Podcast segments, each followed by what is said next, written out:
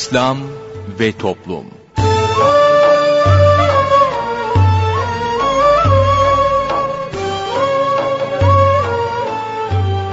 Merhaba sevgili dinleyicilerimiz, yeni bir programla daha sizlerle birlikteyiz. Bugün ana kumanda masasında arkadaşımız Muhittin Yaygıngöl görev yapıyor. Ben Mustafa Toköz programı sunuyorum. Programımıza şiirlerle menkıbeleri yayınlayarak başlayacağız. Sorun söyleyelimle devam edeceğiz. Sorun söyleyelim'e katılabilmeniz için telefon numaramızı hatırlatıyorum. 0212 454 56 46 0212 454 56 46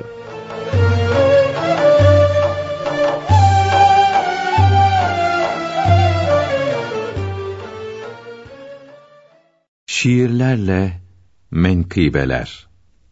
Peygamber Efendimiz sallallahu aleyhi ve sellem herkese aynı muamele. Peygamber Efendimiz mütevazıydı pek. Kendi hizmetçisiyle oturup yerdi yemek.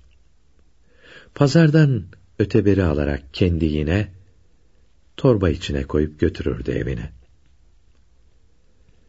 Her kimle karşılaşsa Resul aleyhisselam ondan önce davranıp verirdi kendi selam. Hayvanına ot verir, bağlardı devesini. Koyununu sağar ve süpürürdü evini. Kölenin efendiyle, beyazın da siyahla, Resulullah indinde bir farkı yoktu asla. Her kim olursa olsun, yemeğe etse davet, ayrım yapmaksızın ederdi hep icabet. Önüne konan şeyi az olsa da sahiden hiç basit ve aşağı görmez idi katiyen. Severdi her insana iyilik eylemeyi. Herkes ile her zaman geçinirdi hep iyi. Hep güler yüzlüydü Resul aleyhisselam. Ve lakin hiç gülmezdi söylerken kendi kelam. Daima üzüntülü görünse de o server, ve lakin çatık kaşlı değildi hiçbir sefer. Gayet heybetliydi yine fahri kainat. Korku hasıl etse de kaba değildi fakat. Yine o cömert olup yapıyordu çok ihsan. Ama israf edici değildi hiçbir zaman. Daim mübarek başı önüne eğikti az. Lakin ihtiyacını kimseye etmezdi arz. Enes bin Malik der ki, Hamdolsun ki Allah'a, on sene hizmet ettim her gün Resulullah'a. Bana bu on senede bir defa üf demedi. Bunun için yapmadın diye hitap etmedi. En güzel huylusuydu insanların o zira. Beni bir gün bir yere göndermişti bir ara. Vallahi gitmem dedim. Gidecektim melakin. Dışarı çıktım hemen, emrini yapmak için. Çocuklar sokakta oynuyordu o zaman. Yanlarından geçerken, arkama baktım bir an. Gördüm ki Resulullah arkadan geliyordu. Ve hatta bana bakıp tebessüm ediyordu. Buyurdu ki, Ya Enes, hemen gidiyor musun? Dedim, evet, yoluna şu canım feda olsun. Ebu Hureyre der ki, bir harpte kâfirlere beddua etmesini söyledik o servere. Cevaben buyurdu ki, o Hatemi Enbiya, ben lanet etmek için gelmedim bu dünyaya. Bilakis, insanların hem dünya hem ahiret, saadetleri için gönderildim ben elbet. Nitekim buyurur ki kitabında Rabbimiz seni rahmet olarak gönderdik aleme biz. Yer ve gök, arş ve kürsi, kainatın cümlesi hep onun şerefine yaratılmıştır hepsi.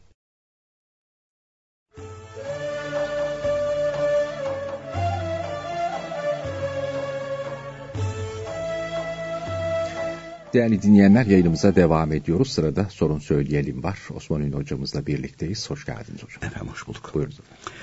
Efendim İslam alimlerinin büyüklerinden olan İmam Rabbani Kuddüs'e Suruh buyuruyorlar ki her ibadeti seve seve yapmalı.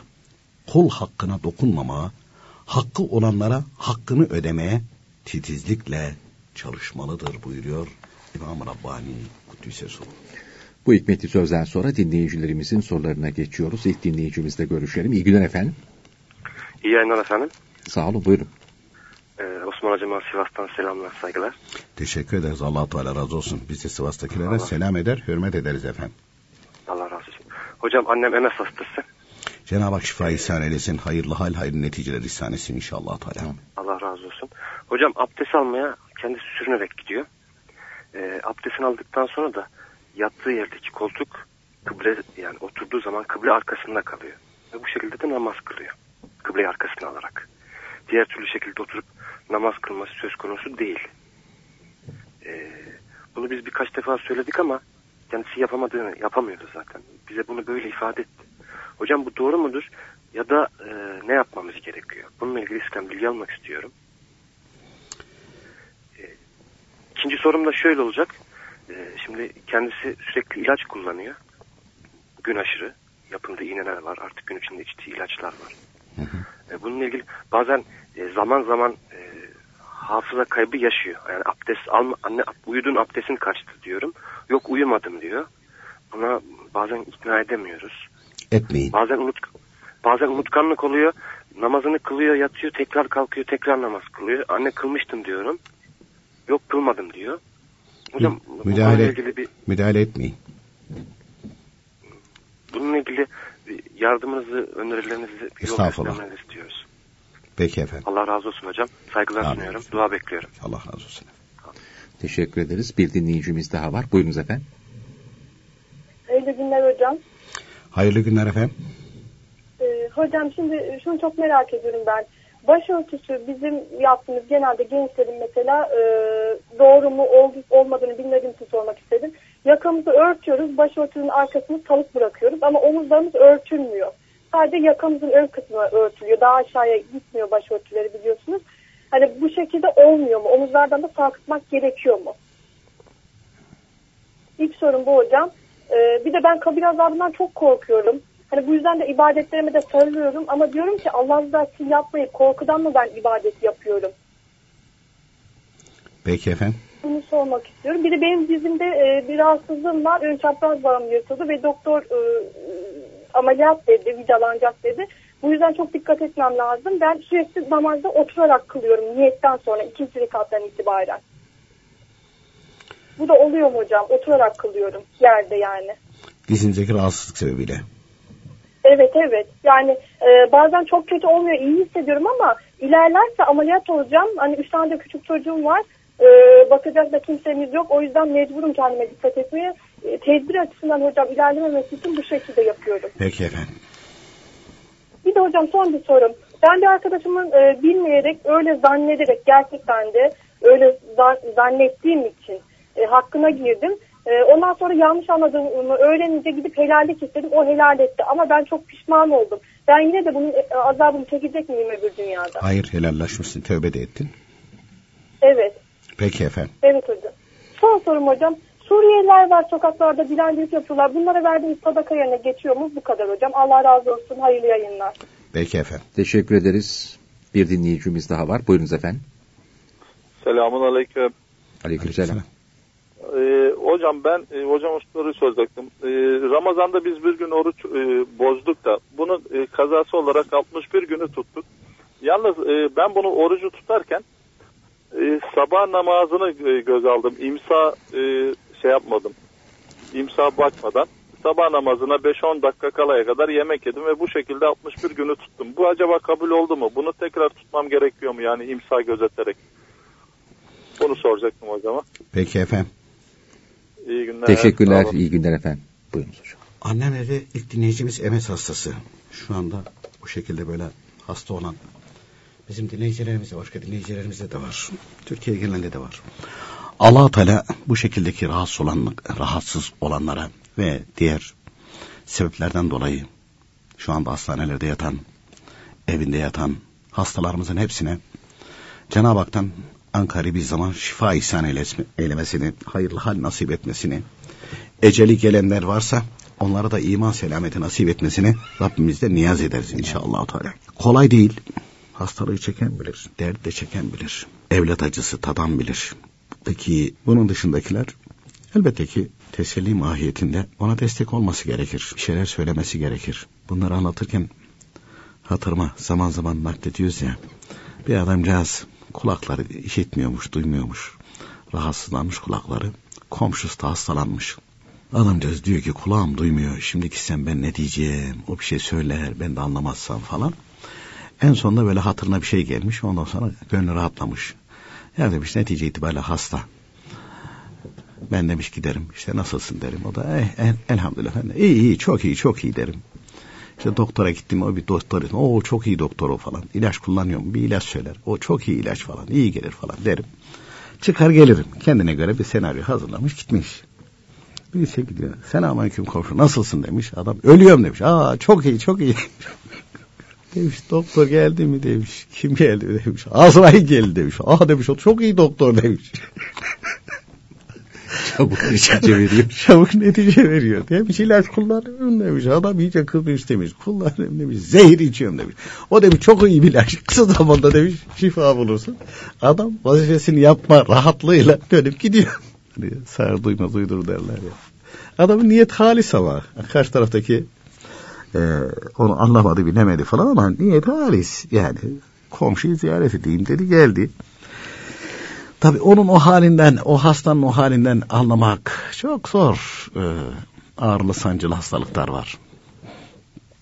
O ağrılara dayanmak insanın kimyasını bozar. allah Teala şu anda o şekilde olan hastalara da Cenab-ı Hak şifa ihsan eylesin. Ağrılarını aynı şekilde indirsin. Mutlaka ağır olacaksa hafifletsin. İnşallah Teala. Hayırlı neticeler ihsan etsin inşallah Teala. Bizim de ahir ve akıbetimizi hayır eylesin. Bilmiyoruz ki bizi ne bekliyor. Çünkü allah Teala ezelde her birimiz için, Osman Ünlü için, Mustafa Toköz için bir takdiri var. Şu anda biz onu görmüyoruz. Şu anda bilmiyoruz. Ve o takdir edilenler zaman dilimi içerisinde ne zaman ise o zaman devreye girecek. Hapırsan da köpürsen de. Ha insanlar bir sebep. İşte yok şu sebepten. Sen oradan gitmeseydin başına o taş düşmezdi. Yok arabayla gitmeseydin kaza geçirmezdin falan hepsi işte bizim orada da bir söz var. Kanı devrildikten sonra akıl veren çok olur derler tamam mı? Kanı devrildikten sonra. Bir de Nasrettin Hoca merhum için anlatırlar ya. Evine hırsız girmiş. Neyse komşular gelmişler. Geçmiş olsun falan işte. Hoca kapıyı kilitledim mi? Pencereyi böyle yaptım mı? Şunu yaptım mı? Bunu yaptım mı? Nihayet bir açık bulmuşlar. Hoca burayı niye kapatmadın falan. Hoca efendi de burasına gelmiş. Demiş ya komşular demiş. Bu hırsızın hiçbir suçu yok demiş ya. Bu demiş hırsızın hiçbir suçu yok demiş ya. Bütün suç benim mi? Kapı bile açık olsa diye girmek mi lazım yani? girmek mi lazım? Onun için Cenab-ı Hak Kur'an-ı Kerim'de Bakara suresinin sonunda yatsı namazından sonra aşı, aşı şerif olarak okuduğumuz Amene Resulü'nün sonlarına doğru Bakara suresinin son ayetleridir. Orada bana böyle dua edin buyuruyor. Yani ya Rabbi takat getiremeyece getiremeyeceğimiz yükü yükleme. Bizden öncekilere yüklediğin gibi bize de yükleme. Bana böyle dua edin buyuruyor. Zor.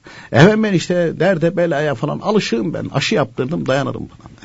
Aslanım ben. Ama bir iğne batırdığın zaman feryat figan eder. Hani sonradan görme Şehzade Şirazi Hazretleri anlatıyor ya. Sonradan görme bayılıp ölme derler bizim oralarda. Adam sonradan zengin olmuş. O zaman da işte şimdiki böyle şey dövme moda olmuş. Ya şimdi ne çılgın bir moda ya. Çok affedersin de yani her tarafına aynı şekilde dövme yapıyor yani. Yaptırmadık yeri kalmıyor falan. Her tarafı. Yani ne terbiyesizlik ne edepsizlik falan ya. Bu da gitmiş dövme yaptıracak adet ya moda ya. sırtını açmış demiş bir arslan resmi yap. Demiş olur. İğneyle yapıyor. İğneyi batırmış. Adam canı yazmış. Demiş ya bu meretin neresinden başladın? Demiş ayağından. Demiş bırak demiş benimki ayaksız olsun. Bir daha batır yok. işte kulağından bırak kulaksız olsun, burunsuz olsun falan filan. En sonunda adam bırakmış. Bitti mi demiş. Ne bitecek demiş ya. Ben gözsüz, kulaksız, kafasız, kuyruksuz, ayaksız aslan görmedim ki hiç diye. ben böyle bir şey görmedim. Dolayısıyla e, menle müzik e, lem yedri diye bir tabir geçer. Tatmayan bilmez. Onun için allah Teala bu hasta kullarına hayırlı hal hayırlı şifalar ihsan eylesin. Ee, ve dinleyicimiz dedi ki annem bir arkadaşımızın da 9 yaşındaki çocuğu 2-3 e, gündür çok ağır hastaymış. O da dua istiyordu. Burada çalışan vesile oldu. birisi vesile oldu. Cenab-ı Hak şifa ihsan eylesin ona yani yoğun bakımdaymış çocuk. Ateşli Masum. bir şey. allah Teala e, hayırlı hal hayırlı şifalar ihsan eylesin. Hani şimdi ateşli hastalıklarda ben geçirmişim. Havale deniyor. Ee, hatta ben bir rahatsız olmuştum da Türkiye Hastanesi'ne gitmiştim. Orada iki tane dahiliyeci doktor. Böyle e, şeylerin neticeleri bekliyordu. Havada müsait. E, dışarı çıkalım dediler orada. E, çay içelim. Çay içerken falan bunlar kendi aralarında konuşuyor. Orada doktorlardan bir tanesi dedi ki Kızılderili taktiği dedi. Bir şey anlatıyordu. Benim dikkatimi çekti. Dedim bir dakika ya ne demek o? Çünkü anlattıkları şeyleri aşağı yukarı biz de şey yapıyoruz. Kızılderililer de Asya'dan geçmişler ya. Yani Türklerle örf adet itibariyle benzerlikleri var. O doktor e, arkadaş dedi ki ya dedi Kızılderililer dağda yaşıyor dedi. Bunlar hasta olunca doktor doktor falan dedi ne keser dedi falan dedi. Böyle de ateşli hastalık falan olduğu zaman dedi ellerinde dedi kürk çok. Kürkleri seriyorlar. Hastayı onun üstüne yatırıyorlar. Üstüne de kürkü yüklüyorlar. E kürk çok zaten. E tabi altı kürk üstü kürk biraz sonra dedi bu dedi başlar dedi aynı şekilde ateş dedi doruk noktasına çıkar. Ve ondan sonra dedi e, vücudun sigortası var. O sigorta attığı zaman terlemeye başladı. Terleyince rahatlatıyor, ateşte atıyor. E, dedi ki bu e, mikroplar ve virüs 40 derecede ölür dedi. E peki dedim ya dedim aynı şekilde mikrop ölmezse adam ölür dedi. İkisinden birisi. Ya sizden mi bizden hesabı. Ya dedim bu Anadolu'da da uygulanıyor. Biz dedim çocukken aynı şekilde uygularlardı böyle. Doktor, moktor şey falan e, yani sağlık e, ocağı mocağı falan yoktu bizde. Ne bileyim ihtiyaç hissetmemişler. Niye gözümün içine bakıyorsun? Ondan sonra e, dedim e, her her evde dedim böyle e, zehir zemberek biberler yazın kurutulur. Bunlar evde herkesin bulunur. Böyle durumlarda bu biberi çay gibi kaynatırlar. Evde pekmez veya da bal varsa şansına. Yoksa burnundan tut veriyorlar böyle. Kaynar e, zehir zemberek şerbeti içiriyorlar. Sobanın dibine yatırıyorlar. Ondan sonra yün yorganı da üstüne atıyorlar. Beş dakika sonra zaten vücut sigorta yatıyor. Şakır şakır şakır şakır. Terlemeye başlıyorsun. Sabahleyin de zımba gibi kalkıyorsun. Tabii eğer e, o, vücut terlemezse ateşi düşmüyor. Ateşi ama e, ya dedi, e, nenemler falan nereden okudular bilmiyorum. Bizim köyde tıp fakültesi var demek ki. Böyle şey olduğu zaman hemen patatesi dilimlerlerdi. E, başına falan böyle şey yapıyorlar. Ya ateş hakikaten yükseldiği zaman ben o zaman şahit olmuştum.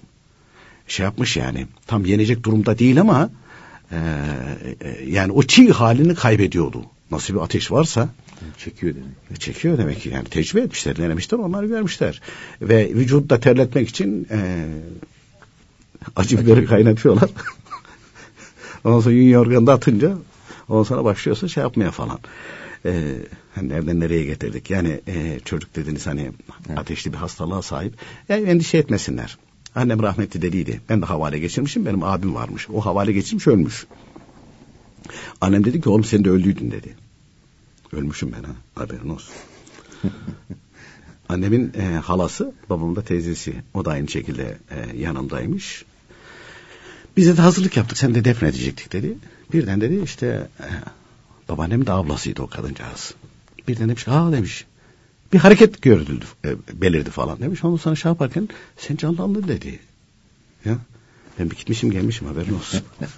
Sizin kerametiniz olarak bir kenara yazıyorum. Hayattayken anlatmam. Yok kimseye söylemiyorum ben zaten. Bir sana anlatıyorum zaten. tamam. Ee, dolayısıyla e, bunu şunun için anlattım. Hani çok ateş yüksektir falan e, mutlak ölüm. Hayır. Tamam hani abim yaşamayacakmış Allah Teala ona o kadar ömür vermiş ama bana bir ömür vermiş. Aynı hastalık havale ama bana bir ömür vermiş. Onu atlatıyorsun. Dolayısıyla yani endişe etmesine inşallah Teala Cenab-ı Hak hayırlı hal, hayırlı şifalar ihsan eylesin. Ve bu dinleyicimizin annesi de öyle sürünerek falan abdest almasın. Teyemmüm yapsın. Teyemmüm yapsın. Ve evde ee, yani, yani madem ki sürünerek gidiyor sırtını dayasın yüzünü kıbleye çevirsin. Koltuğa çıkıp oturmasın. Gidip hemen koltuğa oturmasın. Madem ki aynı şekilde sürünerek gidiyor o zaman yere insin o kadarcık yapıyorsa. Yani, teyemmümünü yapsın. Teyemmümünü yapsın. Yüzünü kıbleye çevirsin. Hatta ayaklarını uzatabiliyorsa kıble istikametini uzatsın. Duvara veyahut da aynı şekilde koltuğa, sandalyeye sırtında dayasın. Yüzü kıbleye dönsün. Yüzü kıbleye dönmezse çünkü istikbali kıble farz. Namazın farzlarından. Namaz olmaz öbür türlü. Dolayısıyla e, bu şekilde namazını kılsın. Böyle kılarsa Teyemmümü de bir tuğla falan bulundursun. Tabii tabii bir tuğla bulundursun, yanında bulundursun. Ya da saksı şey maksı bir şey. O da olur. Ya şimdi zaten aynı şekilde bulunabiliyor. Ee, hani e, bazı yerlerde olmayabilir ama genellikle şehirdeyse bu, büyük şehirlerdeyse mermerciler bulunuyor mesela. O şeyden, rötuştan geçirilmemiş mermerler var. Saf topraktan çıkmış gelmiş ama küçük mermer kestirirsin. Ee, onun üzerinde de aynı şekilde teyemmüm yapabilir. Veyahut da kiremit bulur gelir, tuğla bulur gelir. O da olur. Peki efendim. İkinci bölümde devam edeceğiz.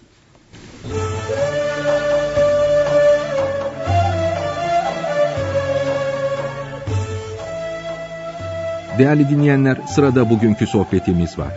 Sohbetimizin başlığı niyetin önemi. İnsan aciz demektir. Hangi uzvumuza, hangi tabiat şartlarına, neye hakimiz? Her işimizde her an Allahü Teala'nın yardımına muhtacız. Evliya zatlar gafletten uzaktır. Allahü Teala'yı bir an unutmazlar. Bizler hatırlamakta zorluk çeksek de, namazda bile unutsak da, eğer yaptığımız iş Rabbimizin rızasına uygun olursa, Cenab-ı Hak her an kendisini hatırlatmış gibi bize sevap veriyor. Onun rızasının dışında yapılacak her iş felakettir. Çünkü bir iş ya onun rızasına uygundur veya nefsimizin arzusuna göre yapılmıştır. Başka türlü olmaz.'' İnsan ya cennete veya cehenneme gidecektir. Allahü Teala kendi rızası için yapılan işler için cenneti, nefsani işler için cehennemi yaratmıştır.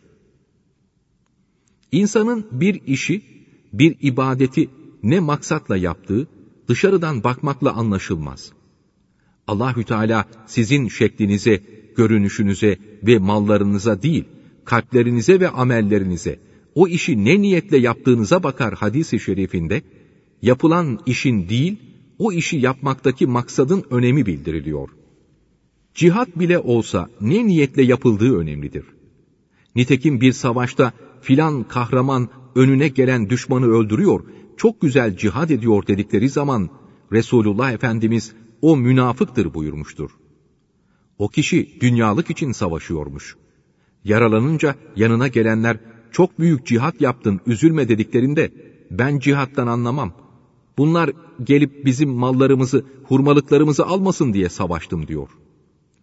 Bu da gösteriyor ki Allahü Teala dilerse faciri de, kafiri de bu dine hizmet ettirir. Dolayısıyla her işte, her zaman korku ve endişe içinde olmalıyız. Bir kişi en büyük cihad içinde olsa da işi garantilemiş olamaz. Çünkü kul Allahü Teala'ya layık ibadet edemez. İşlerinde bozukluk olabilir. Bunun için Peygamber Efendimiz ibadet et, cihat yap, namaz kıl, ne yaparsan yap, arkasından hemen tövbe istiğfar et buyuruyor. Çünkü nefs azıp kudurabilir.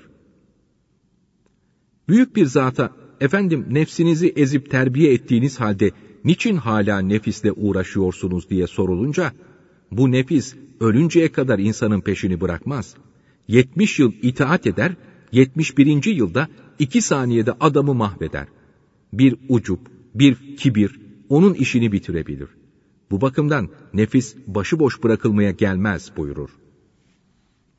Bir işin sonunda Allahü Teala'nın rızası yoksa bu iş niye yapılır ve niye birbirine bu tavsiye edilir ki? Çünkü bu tavsiye burada bir yük var al bu yükü şuraya taşı demek gibidir. Yani dünyayı bir yerden al, öteki uca koy demektir. Buna heves edenin ömrü hep taşımakla, yani hamallıkla geçer. Çünkü Allah için olmayan yük hamallıktır.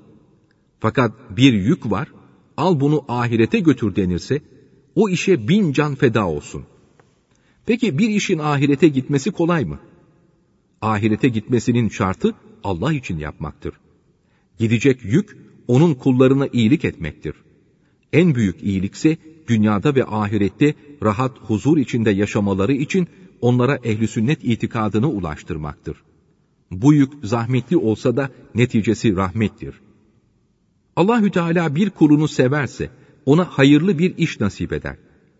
Burada hayırlı işten maksat mesleğin iyi olması değil, Allah'ın dinine hizmet etme imkanı olmasıdır. Hangi işte hizmet imkanı varsa o iş hayırlı olur. Hizmette de tek gaye onun rızasını kazanmak olmalı. Onun emir ve yasaklarına önce kendimiz uymalıyız. Sonra onun kullarının da bu nimete kavuşması için bu büyüklerin bildirdiği şekilde dinimizi onlara ulaştırmalıyız. Bunu yaparken musibet, sıkıntı çok olur. Bunlara da sabretmeye çalışmalıyız. Niyetimiz almak değil, vermek olmalı. Biz Allah'ın kullarına nasıl muamele edersek, Allahü Teala da bize öyle muamele eder. Zaman affetmek, iyilik etmek ve acımak zamanıdır. Öfkelenmek zamanı değildir. Ateşe gidene öfkelenmek mi gerekir yoksa acımak mı? Ben bu dini sabır ve merhametle yaydım hadisi şerifi bu işin önemini bildirmektedir. Mahluklar içinde Allah'a en yakın olan insanın kalbidir. Günahkar hatta kafir olsa da kalp kırmaktan çok sakınmalı. Rabbimizi en çok inciten şeylerin ilki küfür, ikincisi kalp kırmaktır. Geçici rütbeler kimseyi kandırmamalı. Aksi halde her şey biter. Biz henüz yolcuyuz. Asli vatana öldükten sonra kavuşacağız. Sonsuz saadet orada başlayacak. Allahü Teala herkesin ameline, ihlasına göre orada da rütbeler, köşkler verecektir. Müminin tek gayesi Allah rızası olmalı ve ilahi ente maksudi ve rızake madlubi demeli. Bu, Ya Rabbi benim maksadım yalnız sensin, senin rızana kavuşmaktan başka hiçbir hedefim yoktur demektir. Ey gönül senin mihmanın Ahmet Ey gönül senin mihmanın Ahmet Müjde dertli dermanın Ahmet Müjde dertli dermanın Ahmet Muntazırahın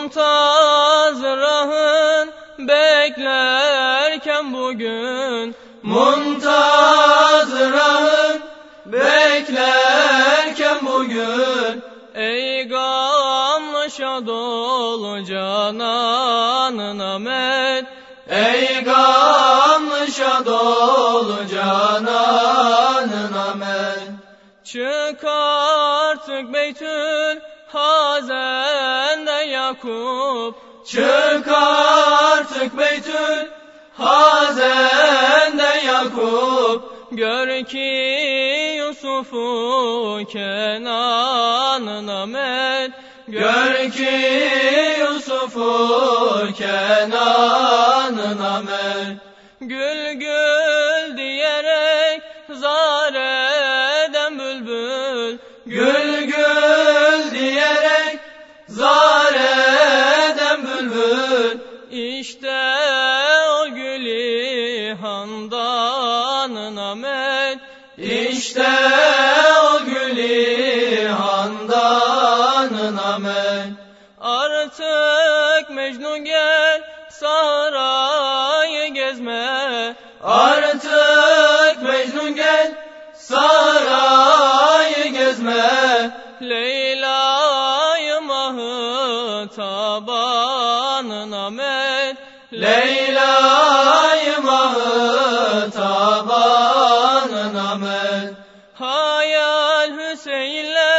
bu feryadına.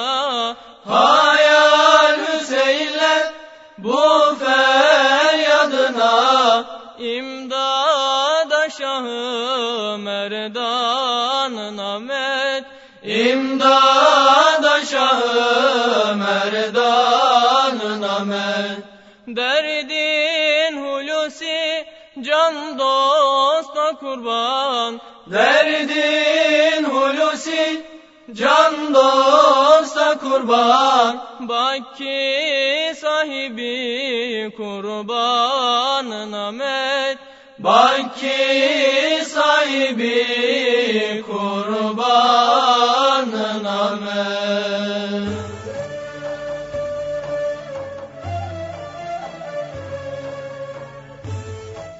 Değerli dinleyenler yayınımıza devam ediyoruz. Sorun Söyleyelim'in ikinci bölümüyle sizlerle birlikteyiz. Buyurunuz hocam. Efendim dinleyicimiz annem dedi hafıza kaybı da var dedi. Bazen dedi mesela abdesti uyuduğunu gördüğümüz halde benim abdestim var diyor dedi. Bunlara müdahale etmemeli. Yaşlanmıştır bu hafıza kaybı vardır. Bazen dedi mesela namaz kılıyor yatıyor dedi sonra kalkıyor ben kılmadım diyor tekrar kılıyor kılsın. Müdahale etmemeli. Şimdi nenem rahmetli böyle söylerdi. Oğlum derdi hani sen bizim yaşlarımıza gelirsen anlarsın derdi. E ben 60'ı geçtim.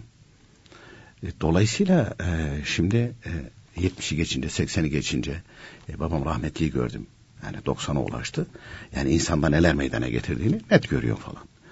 Hatta son vefatından önce yazın gittiğimizde birazcık sıkıştırdıydım adamcağızı. Yani şey yapabilir mi?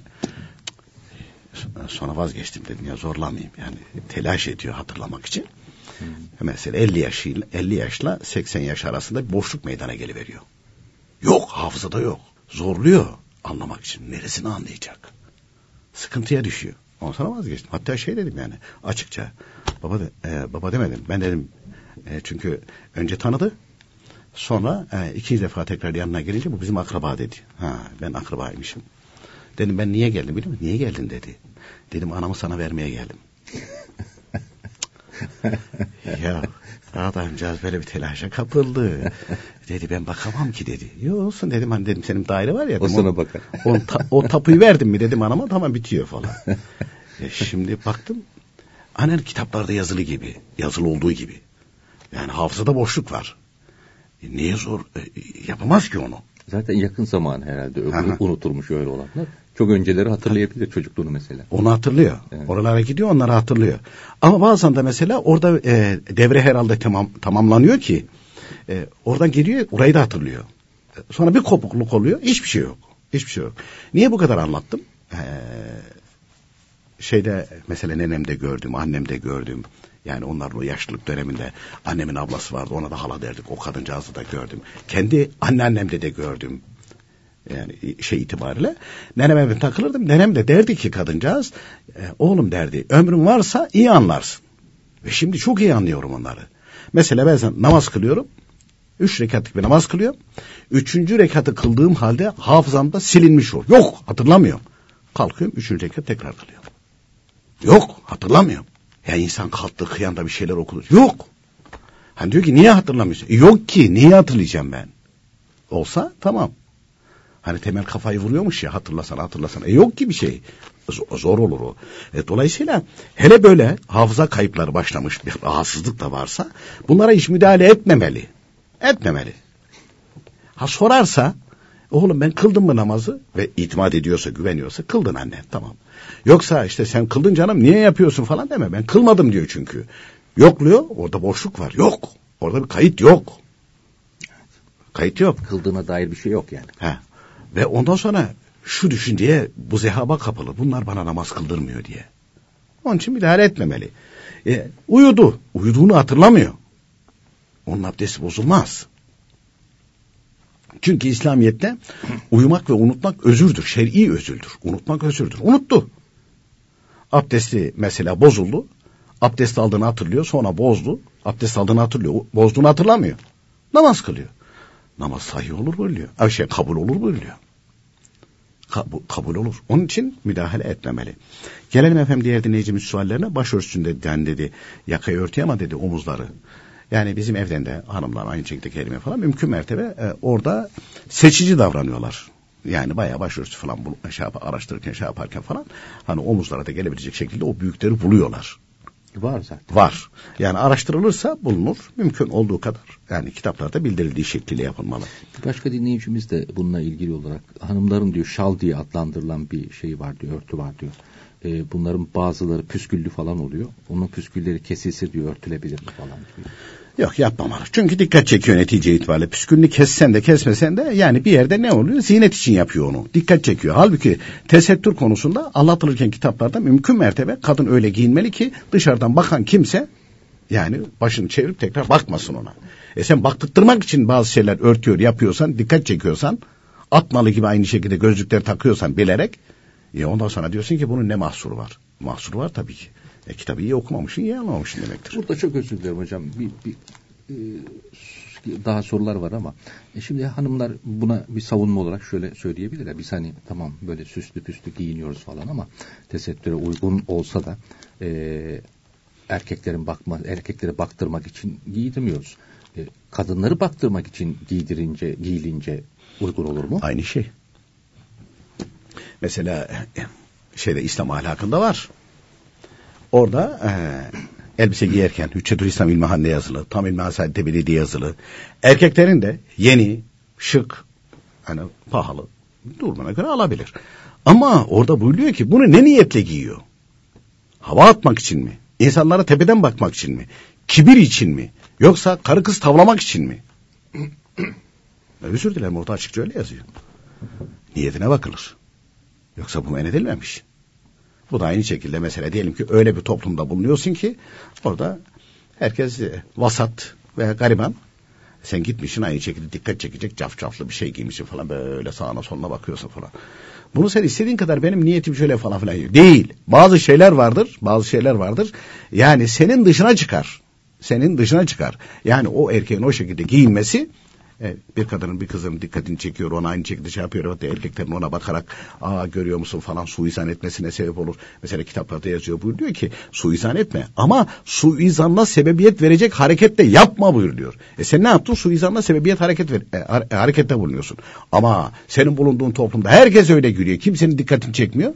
Tamam o zaman mesele yok. Kadın da aynı şekilde. Bu erkeği de bağlar kadını da bağlar. Sadece erkeklere ait veyahut da sadece kadınlara ait değil.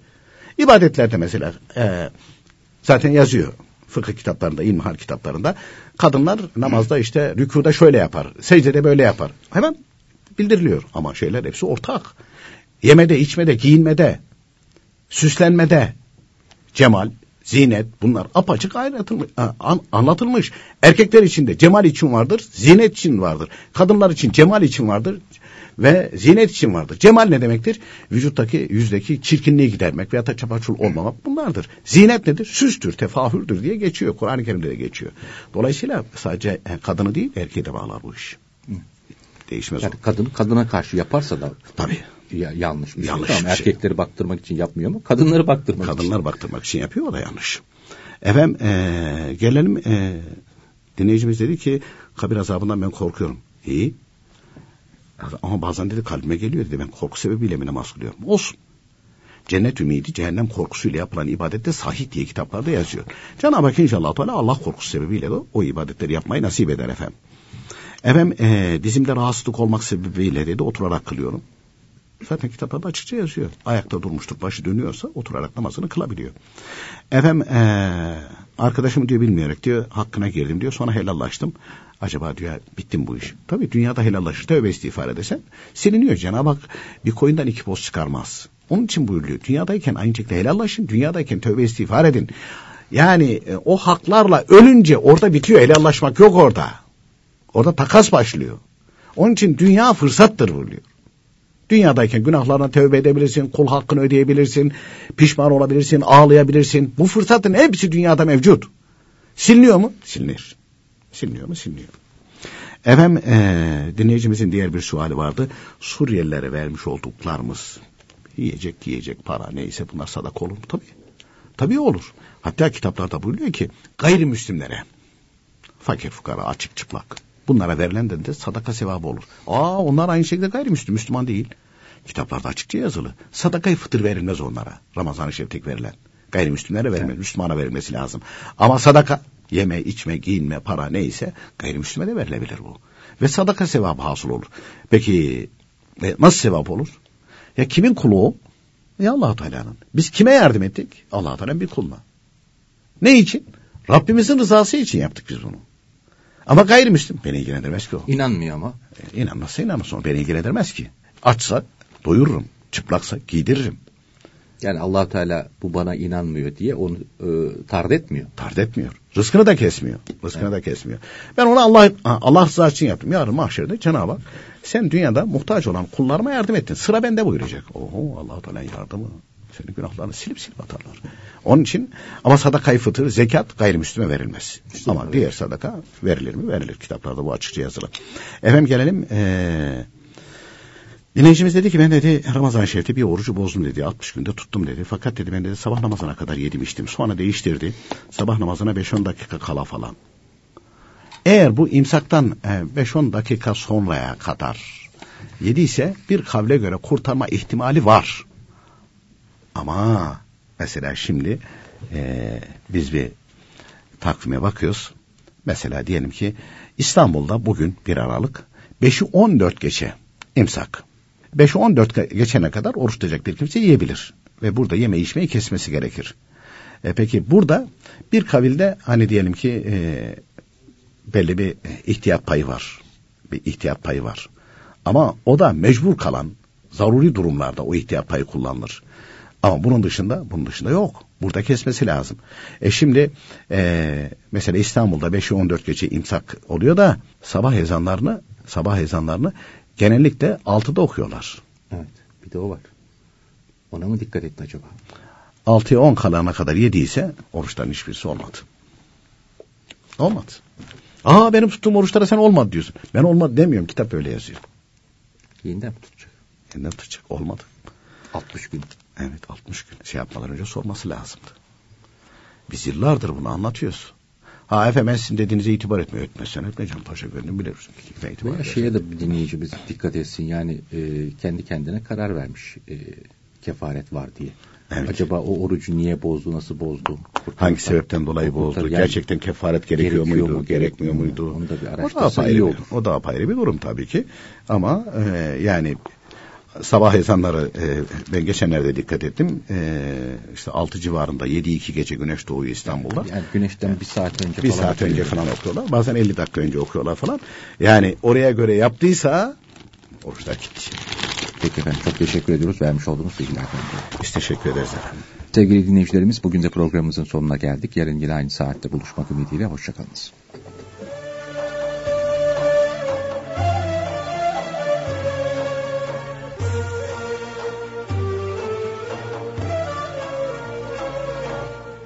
İslam ve Toplum